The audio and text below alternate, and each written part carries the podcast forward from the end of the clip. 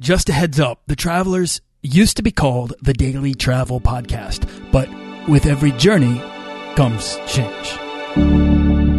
This podcast is produced by Holocene, a community of creative travelers. If you want to get serious about planning that next trip, writing that book, starting that creative project, or launching that business, we're breaking down the barriers between where you are where you want to be together at joinholocene.com. That's join, H O L O C E N E.com.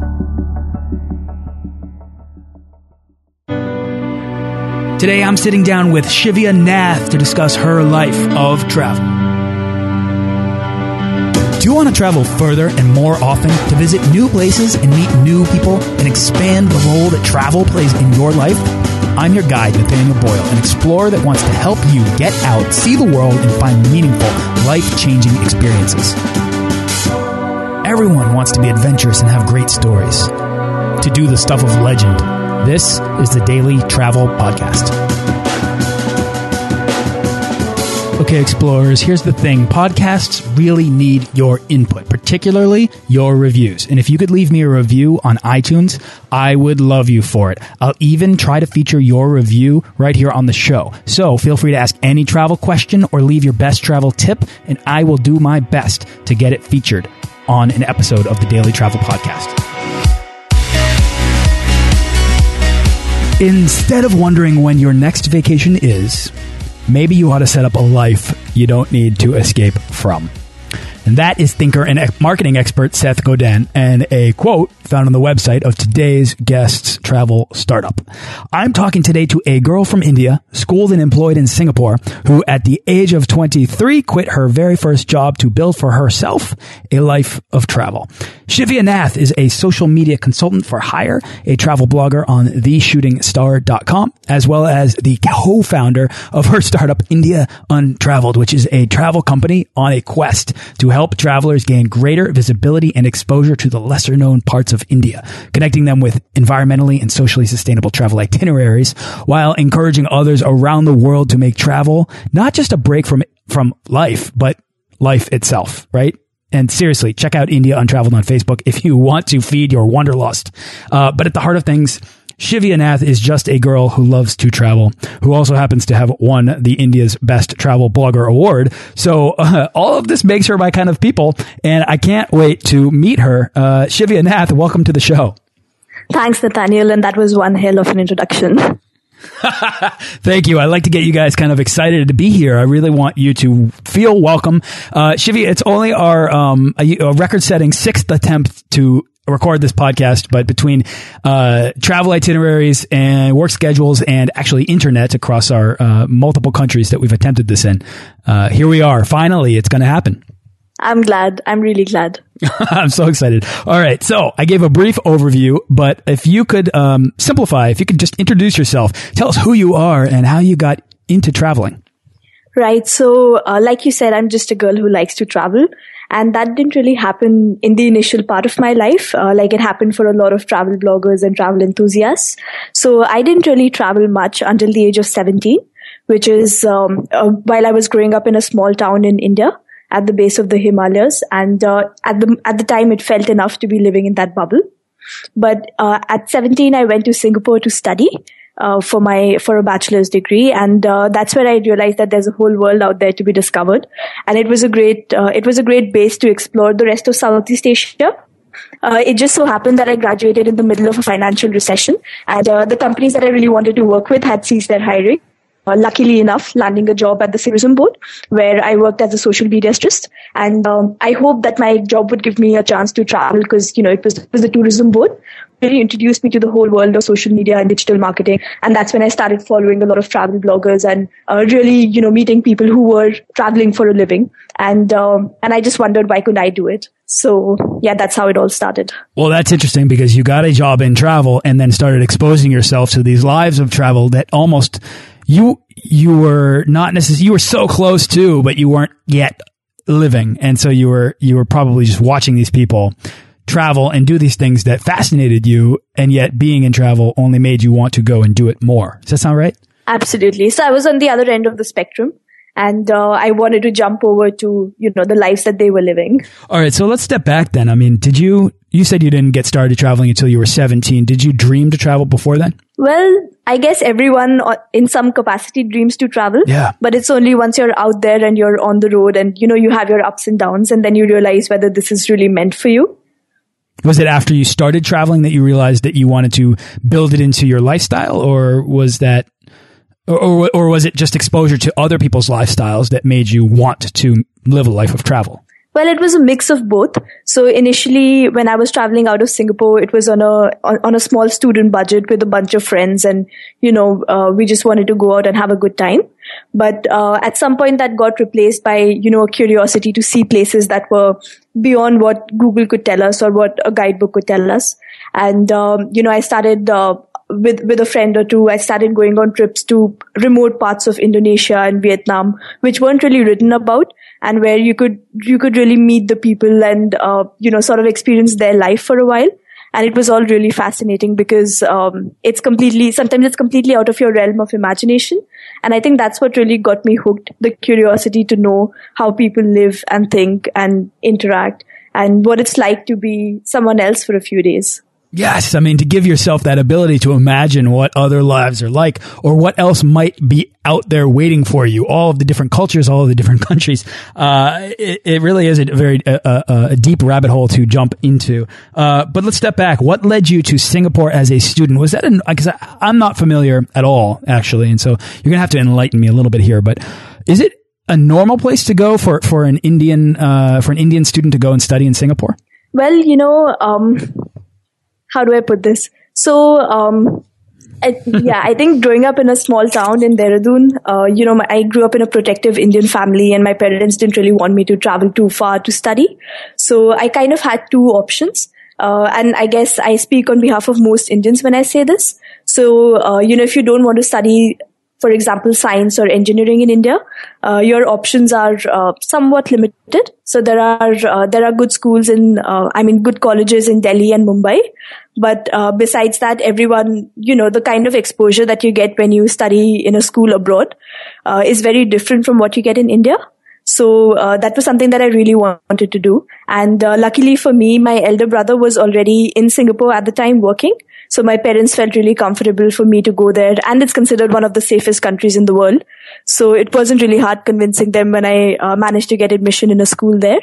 Um, and yeah, that's how it happened. Well, you you mentioned that uh, there were limited there were limited opportunities in India for people who didn't want to study uh, engineering or, or math, but or, or computer science. But uh, what, where where did your interest lie? Well, I wasn't very sure at the time. So in high school, I did study science, and I didn't really like it uh, I wasn't sure if I was cut out for the degree that I studied, which was economics. But uh, I just wanted to get out and you know do something creative and um, sort of not be not be stuck in the rut that uh, you know my parents expected me to or society kind of expects us to. Um, so yeah, I just wanted to get out and get some freedom and get some creativity and see what else is out there. So I really wasn't sure at the time. So yeah, so you really wanted to expose yourself to the world almost to help you to help better inform your decisions that you were making for the rest of your life. Absolutely. Interesting. So, when in Singapore, what was it that you were studying that led you to getting a job at the tourism board? And you said tourism board of Singapore? Yeah, that's right. Okay. Yeah. So what were you studying that led you to get a job there? so it's funny. I was studying a degree in economics, but um, yeah, that didn't really help me much because it just you know went right over my head. but I did a second major in marketing, which uh, sort of helped me get my foot in the door in the at the Singapore Tourism Board, and uh, they have a famous management trainee program uh, which is really good because it gives you exposure across different teams and different kinds of work at the tourism board.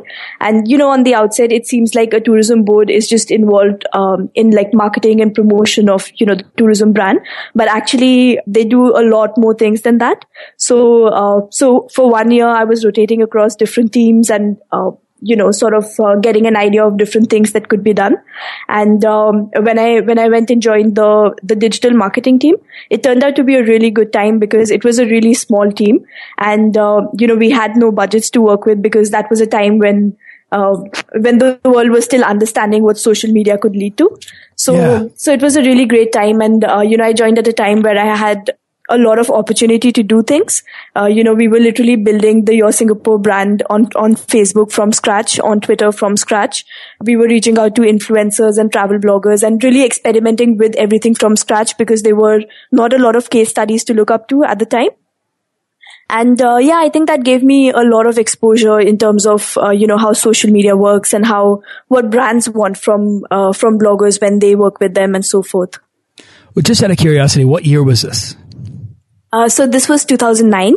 Yeah, I was going to guess around the 08 to 2010 timeline because that's, I think, when the larger companies were starting to say, well, wait a minute, what is this space? What is the social media space? How can we apply uh, our, our efforts socially to our digital marketing campaigns? Uh, and I only know that, Shivya, because I actually worked with um, Boston University, which, who, you know, they're a, a major multi-billion dollar global institution. And uh, when I came on board with them in 2008, they had no social media strategy or, or real presence. It was fragmented, but getting, getting involved with them and starting to work with PR, I, I I kind of had a knack for it and I was working with their marketing department. So I kind of got into it and I had this similar exposure to a, uh, a, a, large company with very uh, sort of unlimited budget that wanted to experiment in that world and get into it and and learn exactly how they could apply themselves to social media to uh, and what's interesting is you're coming at this from I'm not coming at this from the travel. Realm at all but you are so you're all of a sudden probably at like almost ground zero on the internet for travel activity and, and sort of lifestyle design and all of these things that kind of influence, I think, the listeners of the show, but also people who dream to travel more. Um, so I'm just wondering, like, was there a moment then sitting there at your desk as a, uh, or maybe it was something outside of your desk. Maybe it was vacation. What what was it that sort of compelled you to make a change then to go from working already in travel for the tourism board to doing what you're doing now, which is correct me if I'm wrong, freelance social media uh, consulting. Right. So uh, I think it wasn't really a moment, but um, a series of moments, or yeah. or, or you know, a period of a few months.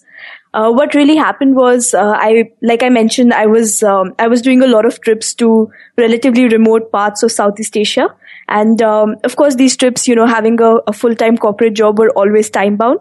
So it was literally, you know, waiting for a long weekend, waiting for leave, waiting for someone to accept your leave and so forth and uh, then being able to go on such a trip and not being able to extend the trip because you have to get back to work the following monday uh, so I think it was uh, really that a little bit of frustration that set in where you know there there were times where I just wanted to pack my bags and just leave, but I couldn't. And uh, uh, it was also the practical aspect of things. So, you know, being on the road for like 10 days or 20 days, uh, as opposed to being on the road for a long time are very, very different. And I wasn't sure if I was going to like the latter. So, uh, what I did was I took a two month sabbatical from work, which wasn't uh, very hard to negotiate. Uh, so I managed to get unpaid leave for two months. And, wow. um, it just so happened that, I, you know, because of my work, I followed a lot of brands, in the tourism space online. And uh, AirAsia was one such brand that I, you know, I followed online, and uh, and they were running a contest. You know, they were launching a new flight to Europe, uh, to Paris from Kuala Lumpur, and uh, I just I just took part in the contest, um, you know, with no expectations, and I happened to win two two return flights to Paris. Oh wow! So that sort of came as a as a sign that you know I I need to do this. I need to take this break from work and go out there and see you know what else is out there. So I spent the, the first month of the sabbatical uh, traveling across Europe.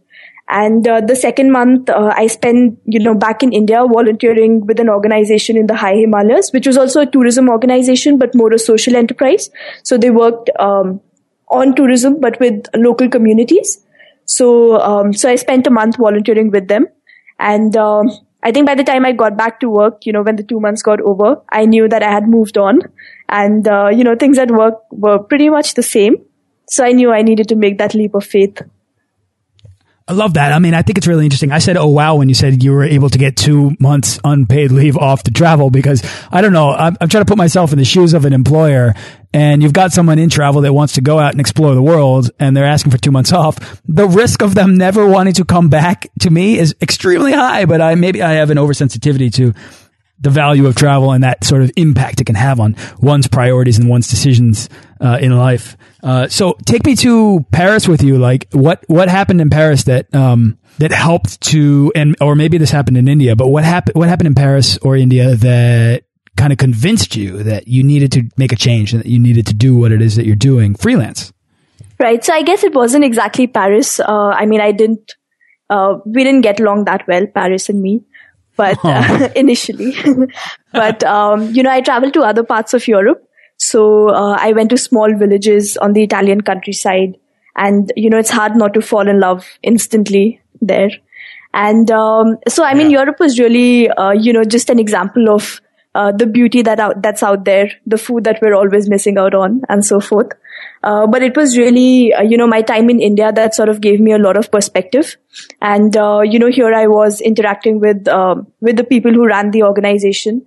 And, um, you know, they, it was kind of a perfect life because they spent six months of their life, um, six months every year in the Himalayas, uh, running this tourism organization, interacting with travelers, interacting with local communities, and you know, building something sustainable uh, beyond just the mere sight of seeing. Uh, sorry, the seeing of sights, and and um, uh, yeah. So and and they spend the the rest of the six months, uh, you know, just just unwinding or traveling or you know, just doing something that they feel passionately about, and it it seemed like a really good balance to have in life, and. Um, you know, just the work that they were doing really inspired me as well. And it felt like there were a lot of opportunities uh, in India in the tourism space that were yet to be exploited. And uh, it felt like, you know, if I if I did make the move to come back, uh, there would be a lot for me to do and explore. And um, you know, it felt like it felt like the time was right to to come back and explore. Well, it's interesting because the difference there's a big difference between the person who returns from their travels, from a life changing experience that changes the pers your perspective of the world and your priorities in life. There's a big difference between the person who returns to the safe harbor of a paycheck and those who return and say, I need to make a change. I've moved on. I've got to go and figure things out on my own. Uh, when did it become a reality for you that you could take your digital marketing and social media experience and do that for yourself as a freelancer to support a life of travel? Well, I wasn't very sure if I was going to make it financially, but I did have, uh, you know, a fair bit of savings from my work at the Singapore Tourism Board. And, uh, you know, luckily for us, um, when you, when you convert Singapore dollars to Indian rupees, it can take you a long, long way. So, um, you know, that's, that's what I was relying on for the first few months to, uh, sort of carry me through. And, um, when I moved back to India, my original intention was to work with uh, with a non-profit organization or a social enterprise and uh, travel in remote parts of India, uh, you know, as part of their work. Uh, so I would get, you know, a bit of money and uh, get to, you know, really get to explore uh, parts of India that that I haven't really been to. but it was gradually, you know, I, I did experiment working with a few organizations full time and part time, mostly on the go. And um, uh, it was during that time that I, you know, revived my my blog, which was uh, which was more of a life ranting sort of blog. Uh, but I, you know, changed everything and gave it more of a travel focus. And um, you know, I, because I, because of my travels, I was uh, I had a lot of stories to write, so I started writing for publications, both Indian and international, and I started blogging a lot more. And uh, the kind of response that I received, uh, it sort of uh, you know led me into the right direction. And uh, because of my contacts at the Singapore Tourism Board, uh, you know, the agencies that I had worked with in the past, I managed to score some freelance projects with them. Uh, so it was all, um, you know, there were different sources of income at the time and it was slowly coming together. And I guess, um, I guess I'd say that the first year was, um, uh, was a bit scary in terms of uh, how I'm going to make this work financially. But uh, you know, the second and the third year, uh, I mean, I'm, I'm, I guess I'm in the third year now, or is it the fourth? Um, it's it's a lot easier now. I mean, I keep work a lot of work keeps coming my way. I have some constant projects. I have India Untraveled. I have travel writing. So um, yeah, financially, it's not it's not difficult now. But at the time, um, it was really you know experimenting with different things and seeing what works and having a bit of appetite for risk. You mentioned sort of almost what what could be called a reverse geo arbitrage, which is the sense that you're coming from India, where uh, the currency is almost globally by, by a global comparison, it's low. And you go and you work in Singapore and you're able to save a lot. Take that back to India, and that gives you a lot more. Uh, I guess just out of curiosity, as an as an American, where that doesn't work, uh, you know, I can't go and travel to India or Singapore, earn a lot, come back and expect to have four, you know, four times, like X, X times as much, uh, money. Is that a kind of a, maybe a common strategy? Is that something that maybe is encouraged among Indians? I'm just curious. Well, not really. I think, um, you know, it can be challenging living in India after you've lived abroad for, let's say, X number of years. So it's not something that happens often. Um, but yeah, I think, uh, I think for anyone who's, who's lived abroad and wants to move back to India or, you know, a country where, uh, you know, a home country where the exchange rate is, um, is less flattering.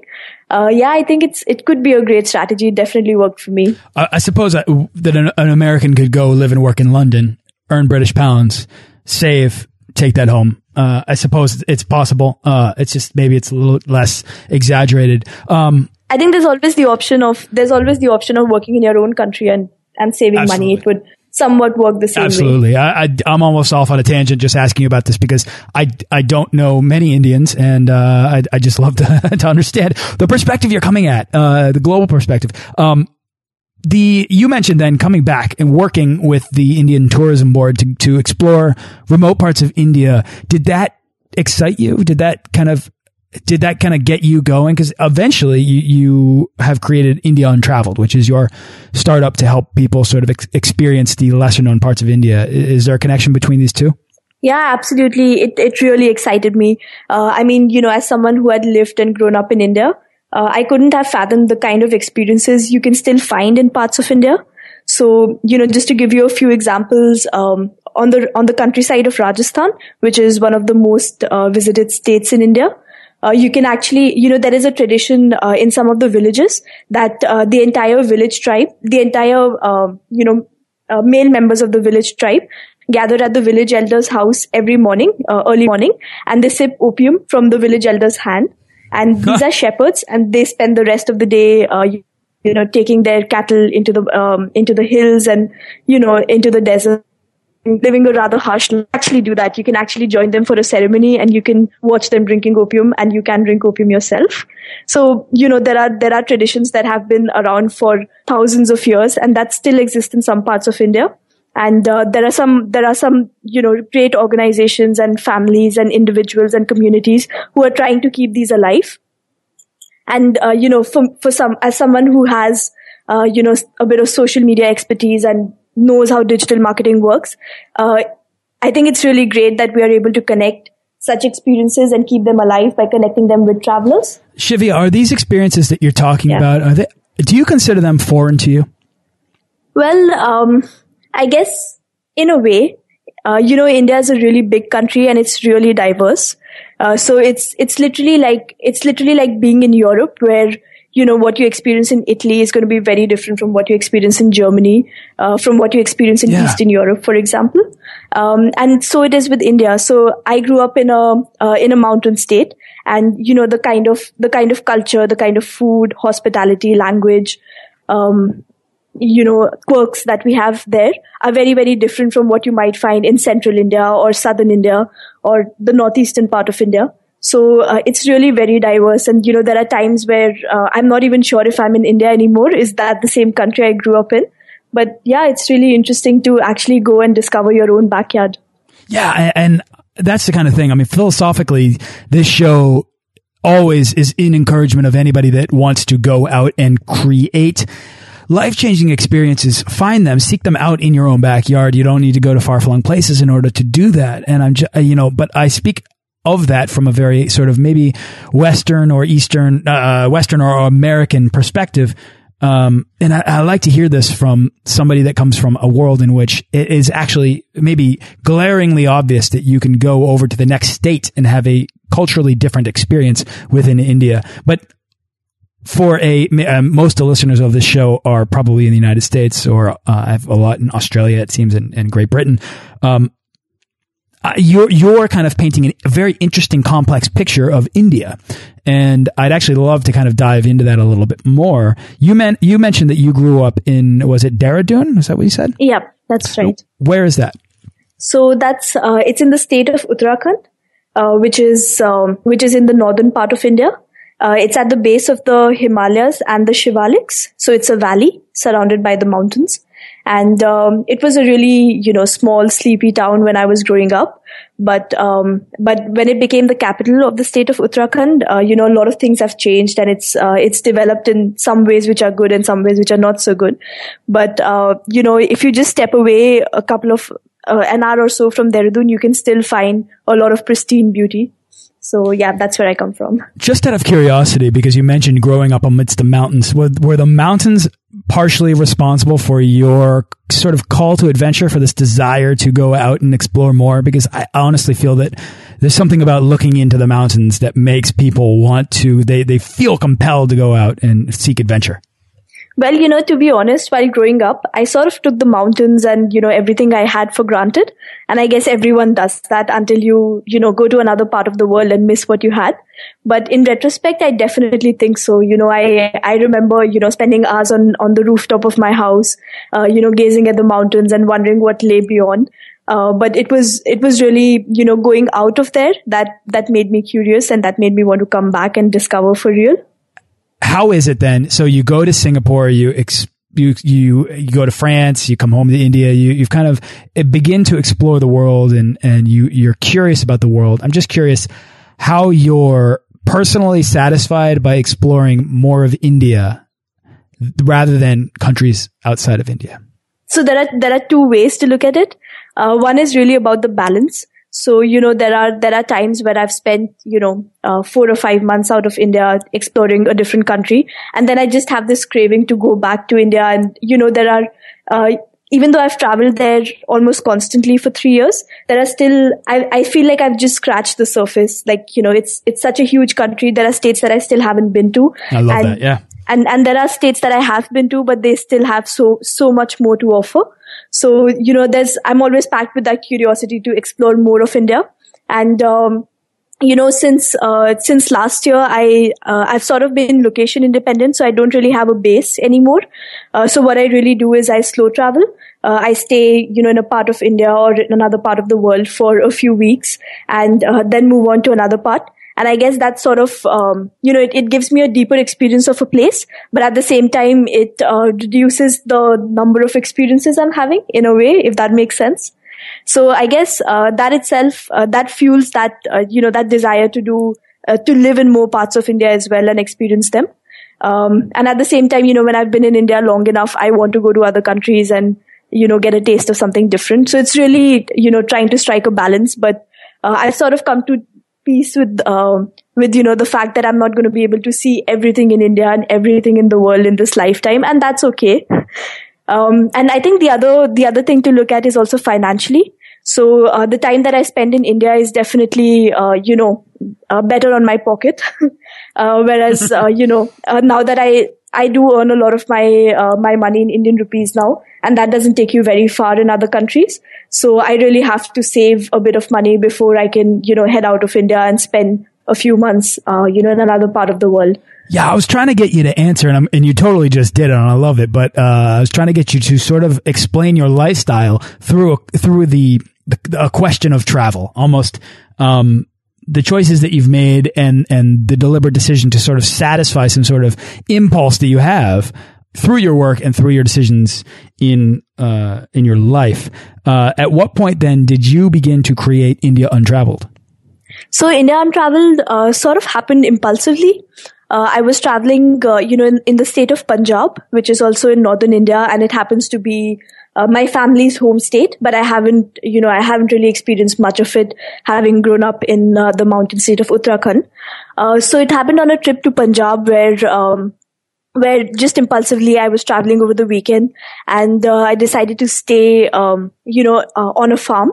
So this was a, this was, you know, uh, I don't know, some 500 acres of fruit farm and uh, cotton farms. So, you know, the cotton was in bloom and uh, I was staying with a family, um, you know, family from a Punjabi village. And uh, in India, Punjab is really known for its hospitality. Uh, and you know I've I've heard a lot of stories from my grandparents about you know how hospitable the people are and how good the food is and um, you know things like that. But I I never really experienced it until this particular trip, and um, so this was the first uh, India Untraveled experience uh, in in some in some sort of way. Uh, where I was staying, you know, with the local family and really getting to know their life, um, you know, really feeling like I was part of their family uh, while I, while I was living there. It was really very different from just, you know, traveling to a place and staying in a hotel, uh, and, you know, seeing a few things, going to a few museums or going to a few monuments and, uh, you know, eating out at a restaurant and then coming back. But this was really being a part of someone's family and experiencing their life for a few days, uh, somewhat, somewhat like a homestay and uh, i think that's what uh, uh, you know gave uh, that's where the idea of India Untraveled really came about because uh, these are places where you know the host families or the host communities don't even have access to the internet to reach out to travelers. Uh, so it's there's really a huge gap between the existence of these initiatives and you know people looking for them but not being able to find them. And that's where India Untraveled comes in to bridge the gap I love that. So this sense of really feeling like you're a part of the family. That is, I think, something that a lot of people who listen to the show probably and, uh, and consider themselves explorers or aspiring to explore the world, that's a feeling I think that a lot of people want to have in, in any country. It seems inaccessible almost like like to be a part of a family seems like an inaccessible aspect of culture of any country. How is it that you're able to help people then break down that barrier to get that experience within within India? Right. So um, I think there are a few things to consider. One is definitely a language barrier. So how we work at India Untraveled is um, each of our experiences have uh, some sort of English speaking aid. So it could be someone, you know, someone who's part of the family. Or uh, in India, what's really happening is a lot of uh, a lot of people from the cities are moving back to their native villages or to their ancestral homes and uh, sort of reviving those and opening those up to travelers as homestays. So these are you know people who have seen both sides uh, you know, the city life in India and their own village in India. And now they're, uh, you know, uh, welcoming travelers and they want to revive some of the traditions in their villages and the local community and so forth. So by having these people host travelers, especially, you know, international travelers, uh, we sort of bridge the language gap as well as, um, you know, the gap between maybe a rural community and an urban community and uh, you know this this leads to a lot of uh, interaction direct interaction with the guests but also indirectly with the local communities that uh, that these families work with that the host families work with so um, yeah i think that's how it works and um, you know we handpick each of our destinations so uh, for example you know if i travel to a part of india where um, I mean, it's as difficult for me to become a part of a family as it might be for any other person traveling to an India Untraveled destination. Sure. Yeah. So if I, if I can feel, uh, you know, within, within two or three days a part of a family, I'm sure anyone else who travels there can feel that way too. So, oh, I love that. So I think you need to travel with an open mind. That's for sure. But if, if that's something that you're aspiring towards, it is possible. So where in India do you offer these kinds of opportunities? Uh, so we're slowly expanding to different parts of India. Uh, we have a lot of opportunities uh, in the mountain areas. Uh, so these are the lower Himalayas and the higher Himalayas across different states. Uh, we have some experiences in the south part, in the southern part of India. So, you know, Kerala is a popular destination, but what we source out in Kerala are places which are still very pristine. you know, there are not a lot of, not, not a lot of tourists in these areas and uh, there are host families who want to host travelers and you know host communities and so forth uh, so we have places um, i mean right now we are focused uh, in the mountain parts and in the southern part of india but we have identified a lot of experiences in other parts of india that you know we will slowly expand to so your future with India Untraveled is to what attempt to continue to build out uh, opportunities for people across India to explore and become uh, find find that feeling of not just seeing the parts of India that are quote unquote untraveled, but to actually feel like they're a part of India, of the culture, of the people, of the families. Absolutely, and at the same time, uh, you know. Um, in a way that your travels actually contribute to the uh, to the social or the environmental development of these regions, because that's something that's hugely ignored in the tourism industry in India. Can you speak speak a little bit more to that? Because I did allude to that in the in the beginning that you're you know sort of helping people find sustainable travel initiatives. Mm -hmm. Uh, and environmental that that's both environmentally and social opportunities. Uh, just if you could just explain a little bit more what that means, and, and maybe give an example of of a trip that that showcases that. Right. So, uh, so an example off the top of my head is um, is a village, is a small farming village in uh, in Kerala, which is uh, it's called Trikaipeta, but that's since that's a difficult name, uh, it's nicknamed Bamboo Village, which is um, uh, which alludes to their uh, a lot of people in the village are bamboo craftsmen and uh, and really skilled at that.